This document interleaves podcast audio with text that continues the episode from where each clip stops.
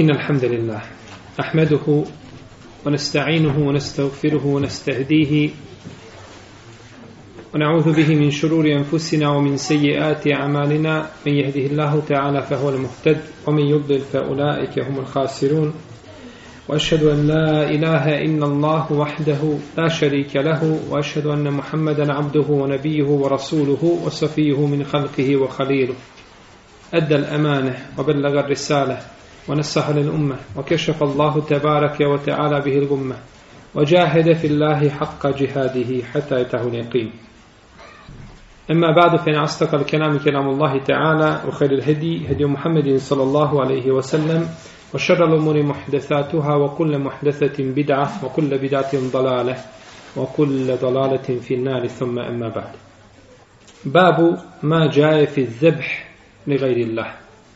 poglavlje šta se spominje u pogledu klanja nekome drugom mimo Allahu te barake o teala. Poglavlje u kome se spominju argumenti koji ukazuju da je zabranjeno primijeti žrtvu nekome drugom mimo stvoritelju Azzevođel. Pa je ovdje stvoritelj a, oprostite, ovdje je u ovom dijelu autor spomenuo naslov bez spominjanja propisa. Nije znači rekao ono što se navodi u pogledu zabrane prinošenja žrtve nekome drugom mimo Allahu te barake o teala, nego je rekao šta se navodi. I to je jedan od puteva ili od načina pri stjecanju znanja. Da se spomene određeni propis ili određena mesela je određeno pitanje i onda se nakon toga argumentima dokaže da je određena stvar validna, odnosno da nije.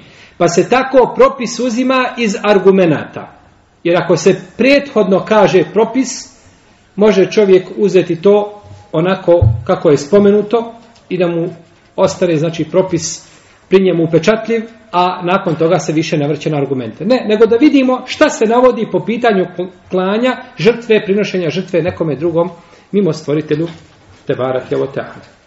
Potom je spomenuo autor ajet u kome je uzvišen Allah Tebara Kjeloteana kaže Kul inna salati wa nusuki wa mahjaja wa memati lillahi rabbil alamin. La šerike leh. Wa bi dhalike umirtu wa ana awwalul muslimin. Reci moj namaz i moji obredi i moj život i moja smrt pripadaju gospodaru svjetova koji nema sudruga u vlasti. Tako mi je naređeno i ja sam prvi musliman.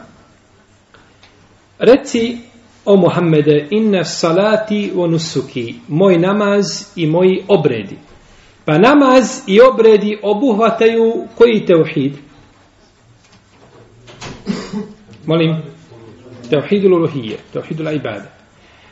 Inna salati wa nusuk. Wa mahyaja wa mamati i moj život i moja smrt obuhvataju koji? Hm?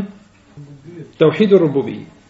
Pa je ovdje spomenuo znači dvije vrste teuhida. Kul reci, kome reci? Mušricima. Reci mušricima. Zato što je ovaj, ovaj ajet, ova sura je objavljena u Mekki. A u Mekki se poslanik, sallallahu obraćao mušricima. Reci o Muhammede.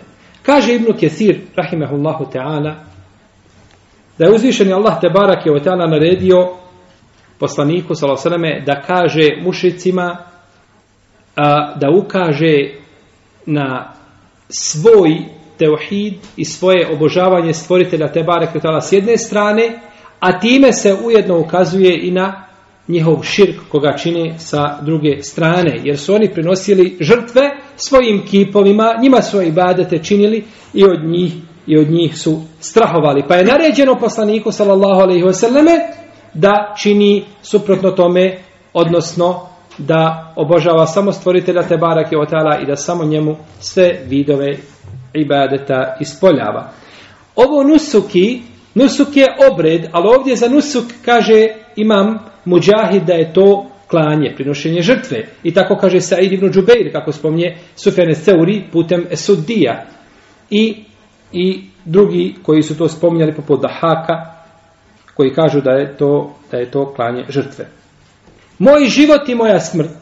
Moj život i ono što radim u mome životu od dobrih dijela i moja smrt kada umrem na dijelima koja ću ostaviti za sebe i na imanu koga imam pri sebi, to je Allahu te barak je o teala, lillahi rabbil alemin, znači čisti ihlas stvoritelju azevođelu.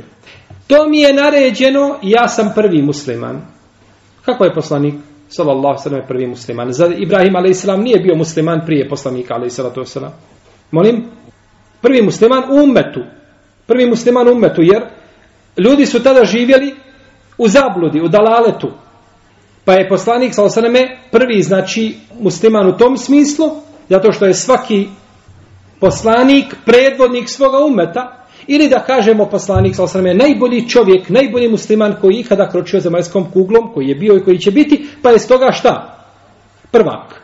Iako ne mora znaš da je bio vremenski šta?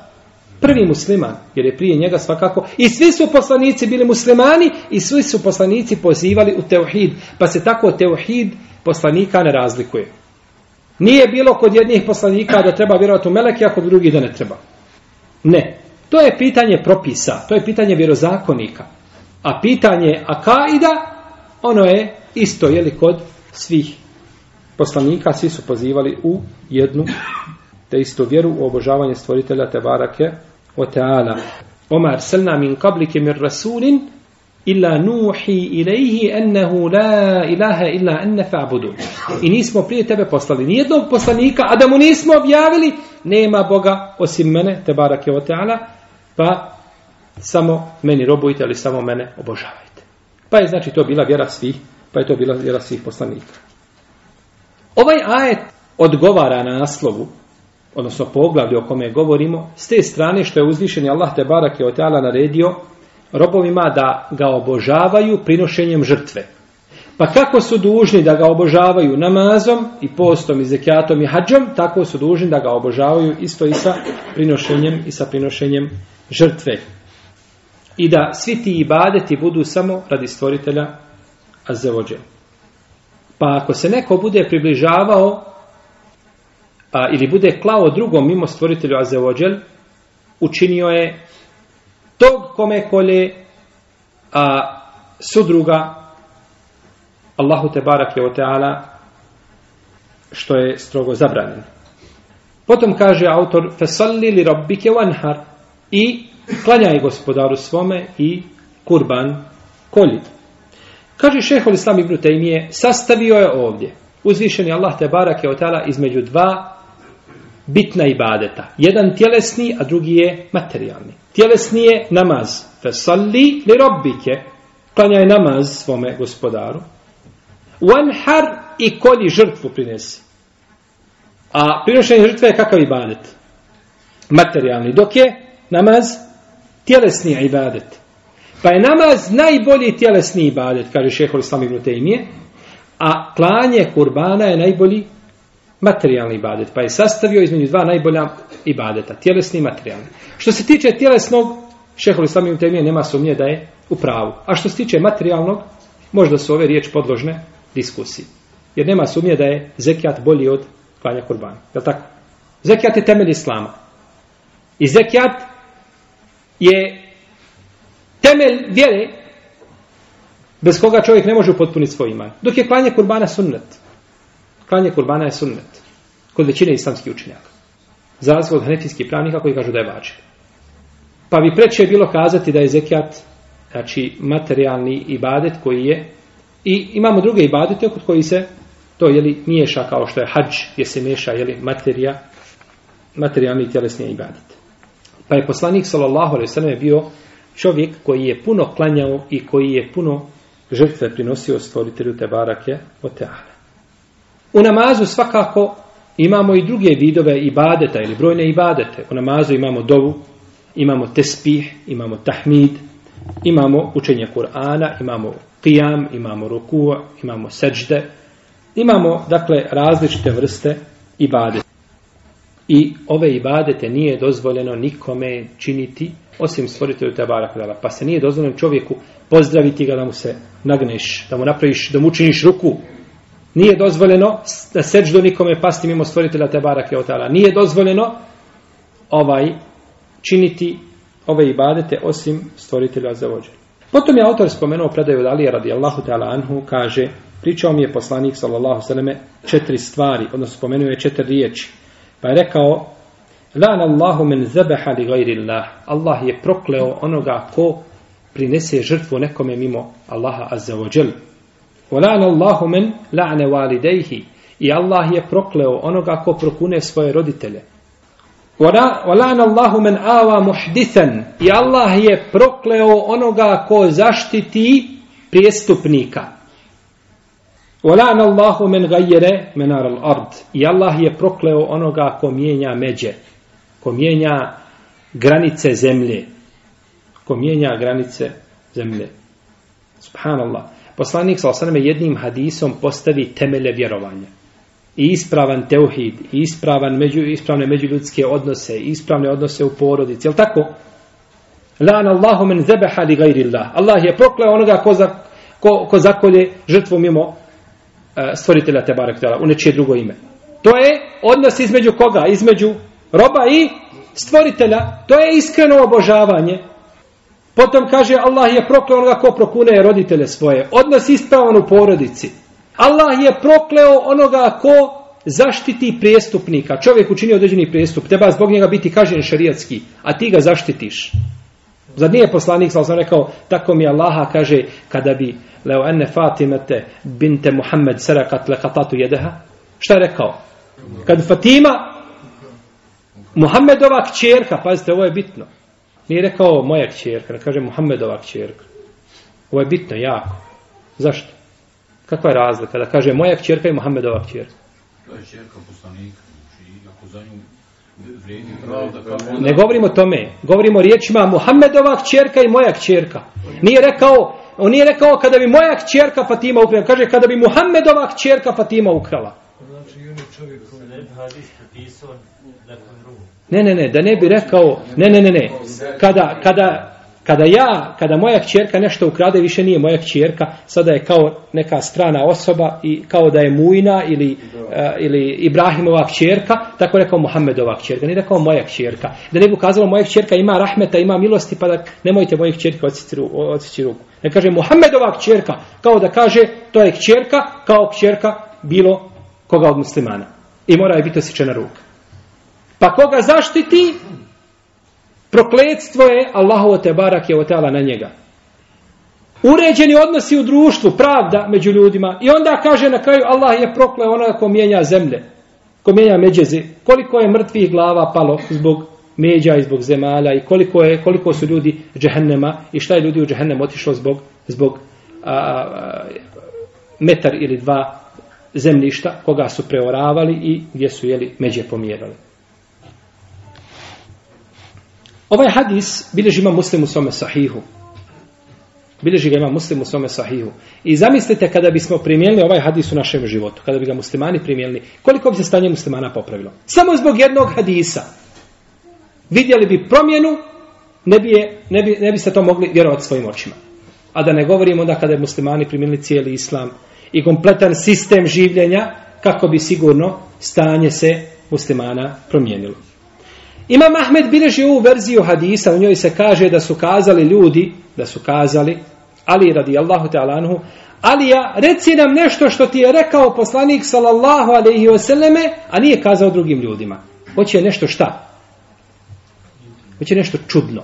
Ni, ni od koga to nismo čuli, samo od tebe to možemo čuti o Ali.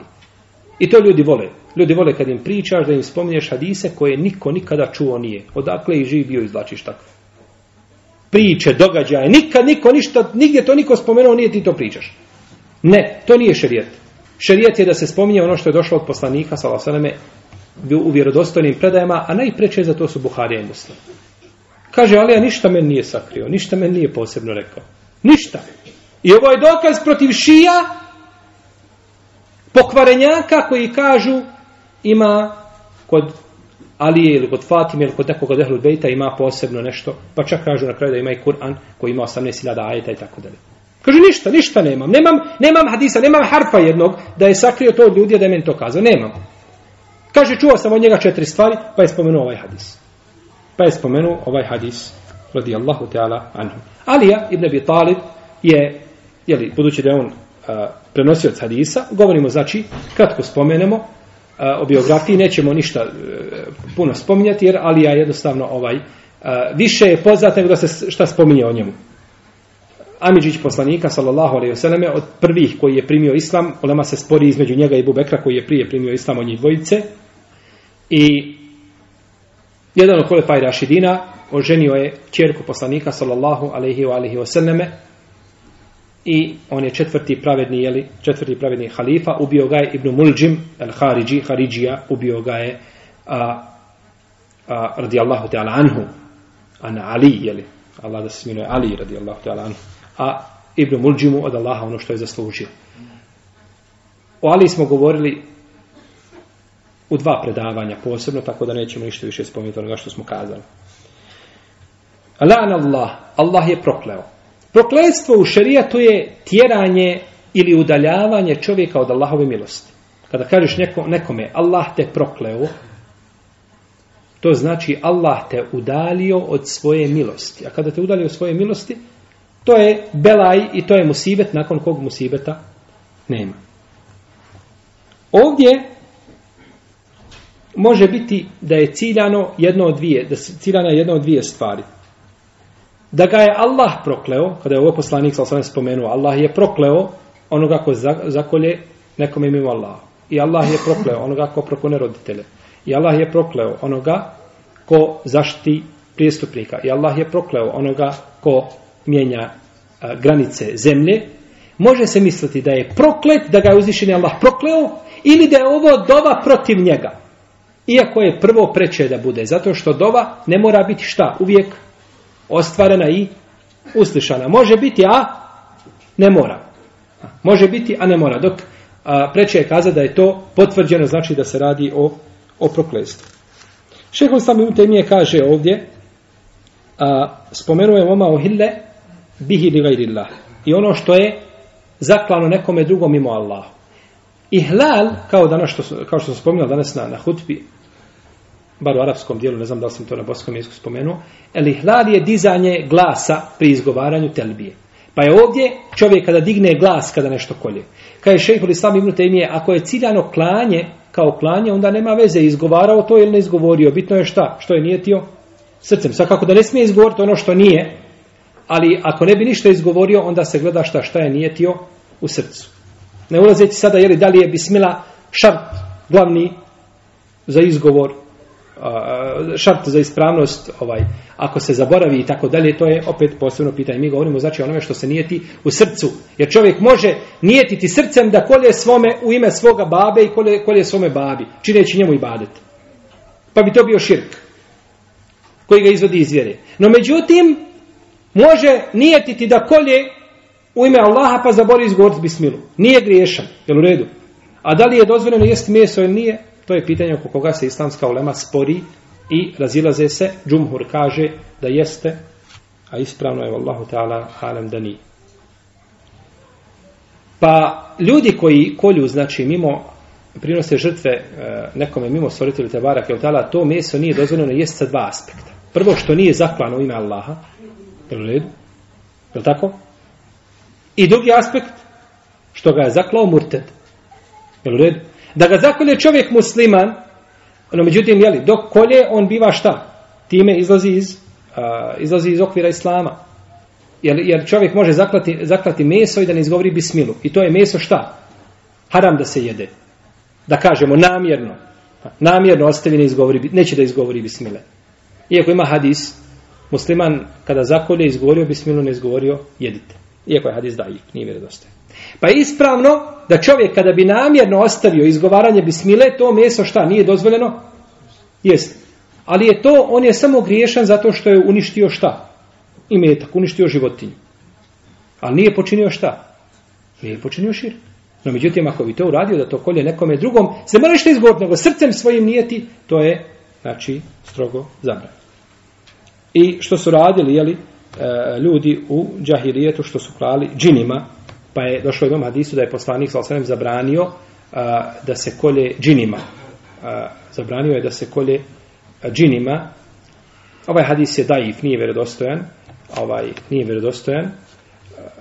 I ovo što smo spominjali oko pitanja klanja i ovaj hadis, njegov izvor i a, šartove klanja ispravnog, ja sam o tome opširno govorio u knjizi o kurbanu, koja je išao tala u pripremi za štampu, ovaj pa možda kasnije nekada vidjeti znači E, ove propise podrobnije. Kaže imame Zemahšeri da su ljudi u džahilijetu, da su a, kada bi neko kupio kuću ili napravio kuću, da bi ili nešto izvadi iz zemlje nađe nekakvo bogatstvo, blago, zaklali bi tada žrtvu bojeći se, zaklali bi žrtvu džinima, bojeći se da džini ne naude im. Pa je poslanik sa sam zabranio. I ja kažem, hadis ovaj nije vjerodostojno, nije zabilježen u poznatim hadijskih zbirkama, koliko sjećam da ga spominje imam eh, al-Mardawi u, u eh, al-Mawardi u dijelu al-Hawil Kebir, ali ne znam da ima ispravan lanas prenosilaca. Kaže ovdje dalje, Allah je prokleo onoga ko prokune svoje roditelje. Znači da prokune svoga oca ili svoju majku ili koga? Ko ti je još roditelj osim babe i mame? To se ne kaže roditelj. Molim? Uzlazna loza. Kakve tetke vola? Uzlazna loza.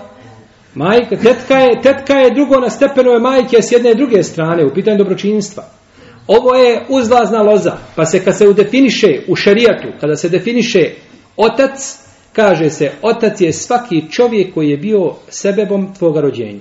A majka je svaka žena koja je bila sebebom tvoga rođenja. Je li tvoja nena bila sebebom tvoga rođenja? Hm? Ma je svaka. E tako je, znači ta cijela uzna, i dato ti je ta cijela uzna za loza haram, da imaš nenu koja je živjela 200 godina prije tebe, ne možeš je ženiti, ona te, sve te uzna za loza je haram. A tako sila zna, dijete, šta je kćerka u šarijetu? Kćerka je svako žensko dijete, a čijom, čijem rođenju si ti bio sebebi povod? Pa, dijete, i njeno dijete, i njeno dijete, njeno, kad bi tako išao, unazad deset koljena, sve ti je to haram i zabranjeno, to je uvijek tvoja curica. Nikak nema razlike mi tebe i tog djeteta u smislu čega? U smislu ženitbe, udaje, u smislu putovanja zajedničkog. Ne u smislu, recimo, nasljeđivanja. Nasljeđivanje ne ulazi u to.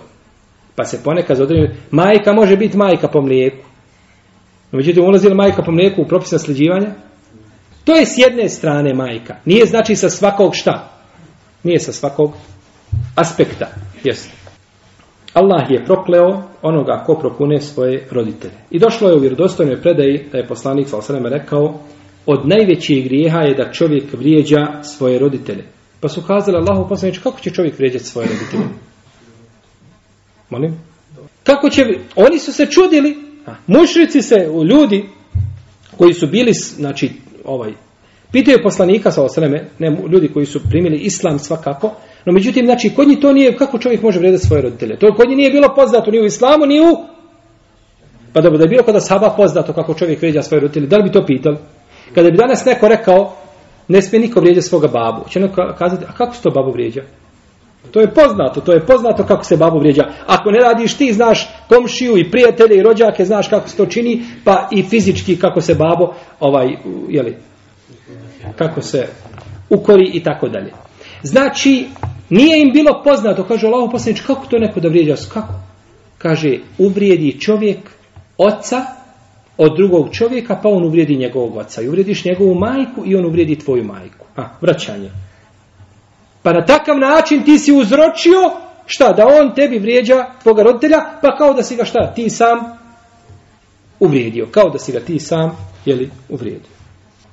Ko pomogne Men ava muhdisen. Možemo kazati men awa muhdisen, a možemo kazati men awa muhdesen. Kada kažemo muhdisen, to je čovjek koji je počinio prijestup. Ha, počinio šerijetski prijestup i ti ga zaštitiš.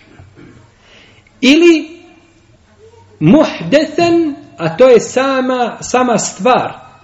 znači da si zadovoljan sa tom stvari, taj prijestup i da je podržavaš i da ti se prsa rašire kada čuješ da se, da se to e, čini, nemoral se raširio, tebi prsa velika, podržavaš zadovoljan time, to je isto bi ulazilo znači u ovo značenje, ako bismo kazali, kazali muhdesen, muhdesen, jel? Kaže Ibnul Kajim i ovo stepenovanje grijeha se razlikuje od grijeha do grijeha. Nisu svi grijesi isti, grije se razlikuju, pa nije isto, znači, sakriti čovjeka koji je uradio stvar zbog koje treba biti tazir, da bude kažen, da ga, znači, kazni da ga prevaspita kadija, i čovjeka koji je ubio nekoga treba da bude kažnjen na isti način i ti ga zaštitiš. Sve se to razlikuje. Ili čovjeka koji je počinio nemoral, ili, ili, ili, jeli. Sve se to, jeli, razlikuje. I Allah je prokleo onoga ko mijenja granice zemlje ili međe. Neki kažu da je ovim se cilja eh, me, eh, granice u Meki, no međutim ispravno je da se ovo odnosi na sve. Da se ovo odnosi na sve. Jer ko to bude činio, bit će kažnjen i bit ćemo natovareno na sudnjem danu, kako je došlo u drugom hadisu, od sedam zemalja. Biće mu natovareno na sudnjem danu, od sedam, neće, mu, neće mu faliti te zemlje, biće mu je na sudnjem danu i previše. Biće mu je i previše. U ome hadisu je dokaz da je dozvoljeno da se prokune osoba. No međutim, da se proklenju ljudi, jel, koji su prestupnici. No međutim, da li je dozvoljeno da se prokune jedna osoba individualno, pona osob, ili treba govoriti općenito. Oko toga se razilaze islamski učenjaci, ovaj, imaju različite, imaju različite stavove. Možda ćemo nešto spomenuti o tome kasnije. Potom je spomenuo autor.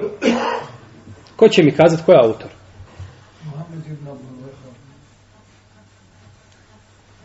Mohamed ibn Abdul Wahab. Govorimo kom dijelu? Koji dijelu komentar? Kitabu Teuhid.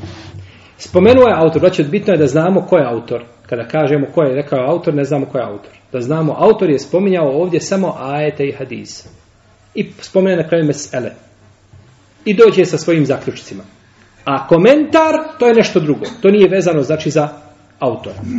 Spomenuo je predaju od Tarika ibn Šihaba, kaže da je poslanik, sallallahu alaihi sallam, rekao, ušao je čovjek u dženet zbog muhe, a drugi je ušao u džehennem zbog muhe. Ili zbog mušice, recite kako hoćete. Pa su kazali Allahu poslaniče, kako to? Pa je rekao, kaže, prolazila su dvojica ljudi pored jednog plemena koji su imali kipa, ljudi su ti iz tog plemena imali kipa, niko nije mogao proći pored njega da ne prinese žrtvu. Pa su njih dvojica naišla tuda, pa su kazali prinesite nešto. Pa kaže ovaj da nemam ništa da prinesem. Kaže prinesi bar muhu, mušicu, uhvati i nju prinesi. Pa je uhvatio mušicu i zaklao je. Pa je ušao u džehennem. Pa su kazali drugom prinesi ti. Kaže ja nikome ne koljem osim Allaha. Osim Allaha. Samo Allahu to prinosim. Pa su ga ubili pa je ušao u pa je ušao u džennet. Bileži ima Mahmed u svome musnedu. Tarik ibn Šihab el-Beđeli prenosi ovu predaju od koga? Od poslanika, sallallahu alaihi sallam. Tarik ibn Šihab nije čuo ništa od poslanika, alaihi sallatu wasallam.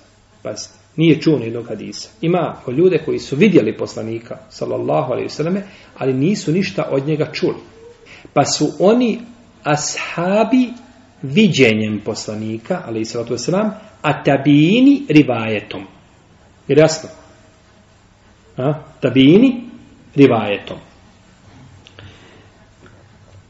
Ovdje Tarik ibn Šihab nije to čuo od poslanika, sallallahu nego je to čuo od koga? Od drugoga sahaba. Pa bi predaja s te strane bila šta? Ispravna, neispravna. Ispravna, svi su ashabi povjedljivi, svi su ashabi povjedljivi. Tako da sve što prenose ashabi od poslanika, sallallahu i kada kaže jedan tabin, od nekoga od ashaba, ne zanima nas koja je od ashaba, bitno je da od ashaba i hadisi vjerodostojan. No međutim, ovdje postoji jedan problem. Postoji više problema? Nije jedan problem, više problema postoji. Postoji li mogućnost da je Tarik ibn Shihab el-Beđeli čuo ovaj hadis od tabijina, od ashaba? Hm? Postoji. Imamo takvi, imamo skupinu oko 20 hadisa u šeritu ima takvih, Ibn Hajar ih je sakupio na jedno mjesto.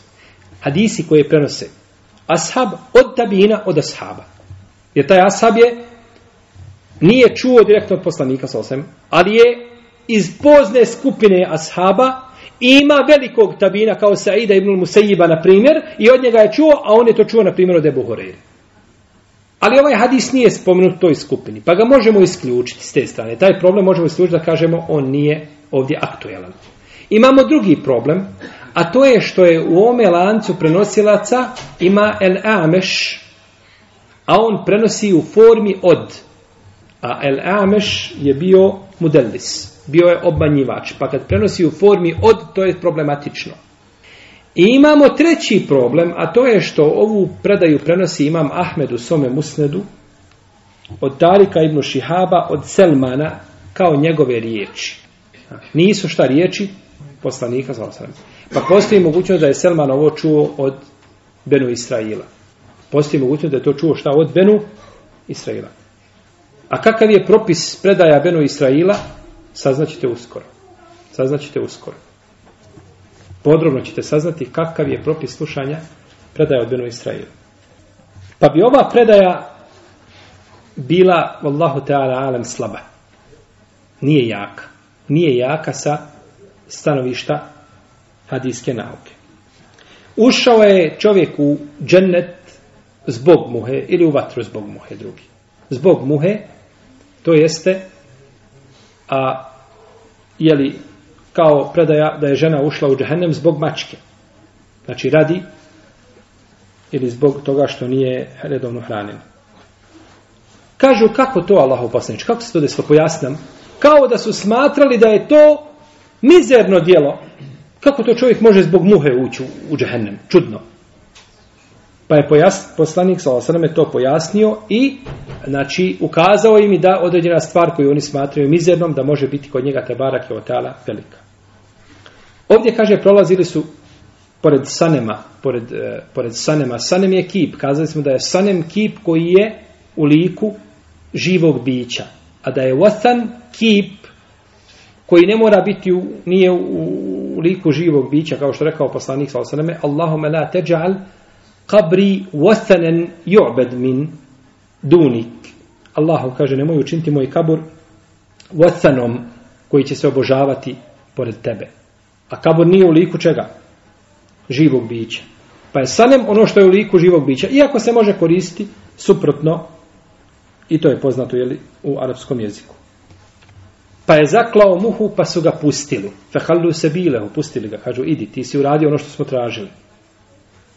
U ovome dijelu, ove predaje pojašnjenje koliko je širk opasan. Koliko je širk opasan, jer je zbog njega čovjek ušao u vječnu vatru. Taman to bilo i u nečemu mizernom. Taman taj širk bio u tvojim očima mizeran. On mizeran može biti ovako na prvi pogled kod ljudi koji nemaju ispravna rezonovanja, ali svaki širk je ogroman, čak je i mali širk ogroman, a da nije, a da nije veliki. Innehu men yushrik billahi fekad harram Allahu alaihi al dženne. Ako bude Allahu širku činio, takvom je zabranio ulazak u džennet. I Allah će oprostiti sve da se se grijehe može oprostiti čovjeku mimo onoga što ga je izvelo van okvira, okvira vjere, u prvom redu je li širk. I u ome hadisu je dokaz o opasnosti upadanja u širk. I da čovjek može upasti u širka da ne zna. Je tako? Može upasti u širka da ne zna. Može. Stoga je čovjek dužan da se pouči i da zna šta je širk i da se čuva širka i sve što smo govorili do sada je vezano sa te strane tiče se znači opasnosti širka i njegovih, njegovih negativnosti. U ovome hadisu je dokaz da je ovaj čovjek prije toga bio musliman. Ovaj što je ušao u vatru. Je li bio musliman ili bio nemusliman? Kako znamo da je bio musliman? Hajte mi recite sad. Od dvojica, dvojica, pe, Petar i Savo. Ali kako će u džeme, tako je Savo. Pa dobro, nije za, ostavi drugog koji je, ali za prvog koji je zaklao muhu, koji je zaklao mušicu, pa ušao u džahennem, kako znamo da je bio musliman? Zato što je počinio šir prema Allahu. Dobro, može li nevjernik da zakolje mušti da prinese i da uđe u džahennem? Pa da ga nauči. Od nevjernika se ne da čini šir od muslimana. Tema je Muslimani. Treba, treba je muslimani, nimam ništa. Pa braćo, ne bi reka, ne bi, pazite, da je on, da on nije bio musliman, ne bi bilo rečeno ušao je u džehennem zbog muhe. Jer ušao zbog muhe, pa on je prije toga zaslužio džehennem, učinio je sto puta širk. I veći od muhe, jel u redu? Nego prinošenje muhe. Pa kada je rečeno i ušao je u džehennem zbog muhe, znači šta počinio je? Širk. Taj širk. Pa to ukazuje da je bio mu. Protiv je bilo rečeno, bilo bi preče možda da spomene njegov širk i njegov kufru u životu koga je činio prije toga. Jel u redu? Tako da je znači a, a, dokaz je da, da, da ulazak u džehennem zbog, zbog muhe. A drugi je spašen jer nije htio da prinese žrtvu i ome je dokaz odlike teuhida. Odlike teuhida i ihlasa stvoritelju Tebarake wa ta'ala. Mesele, ovdje autor spomenuo skupinu mesela, prvo, tefsiru inna salati wa nusuki, moj namaz i moji obredi, i ovdje se zaustavio zato što se oči tiče čega? Teuhidu aluluhije. a autorov, autorov cilj od ove knjige je, znači da pojasni teuhidu aluluhije. Potom tefsiru fasalli li rabbike wanhar i koli Allahu azza wa i njemu žrtvu prinosi. Treće, počeo je sa hadisom u kome se proklenju četiri ili četverica ili četiri skupine ljudi. Počeo je sa čime? Onim ko prinese nešto drugo, e, ko prinese nešto nekome drugom mimo Allaha azza wa. Ko zakolje žrtvu u ime nekoga mimo stvoritelja Tebara Kvetala. Pa je to širk veliki, pa je sa njim počeo, a ostale stvari su šta? Širk? Nisu, nego veliki grijesi. Veliki grijesi. Mijenjanje, uzimanje zemlje, proklinjanje roditelja, e, e, ovaj, posredovanje kada e, treba nad nekim biti izvršena širijska kazna i slično tome, to nije znači od širka, nije od širka, ni velikog ni malog, već je jednostavno od teških grija. Pa je počeo sa onim što je najteže i što je najopasnije. Iako su u propisu proklestva šta? Kao kada se kaže čuvajte se sedam velikih grijeha. Pa prvo spominje šta? Širk. A nije širk samo veliki grije, Širk je još, širk je širk. Jel u redu? Širk je još veći od svakako. No međutim, spomenuti su ti grijesi, što ne znači da su svi na istoj šta? Da ređi. Pa imate jesti i metak siročeta ili pobići sa bojnog polja, nije kao širk. To su veliki grijesi, a ovo je znači stvar koja čovjeka izvodi van okvira, van okvira islama. Četvrto, Allah je proklao onoga ko prokune roditelje i da je od prokletstva roditelja da čovjek prokune roditelja drugog čovjeka pa on prokune njegove roditelje. Pa na takav način je uzročio prokletstvo svojih roditelja. Peto, Allah je prokleo onoga ko pruži prijestupniku zaštitu Znači, to je čovjek koji počini bilo kakav vid prijestupa, a čak i znači, da bude od skupina koje uvode novotarije i slično tome, koje treba da budu znači, kažnjene zbog svoga prijestupa, ili je počinio nekakav zločin, ili drugu stvar koja nalaže izvršenje šerijatske kazne. Šesto, Allah je prokleo onoga ko mijenja zemlju, i ome je žestoka, znači prijetnja, ko mijenja, znači, međe zemlje, žestoka prijetnja onima koji uzimaju, znači, imetak ljudi, a imetak ljudi bespravno. Sedma stvar, razlika između proklinjanja pojedinačne osobe i a, skupnog proklenjanja. Kažemo, tu se ulema razilazi. Ibnul Džauzi je odabrao da je dozvoljeno prokl proklesti a, ovaj, jednu osobu, dok šehol samim temije kaže da nije. Uzvišen je Allah te barak tela kada je poslanik sa osaname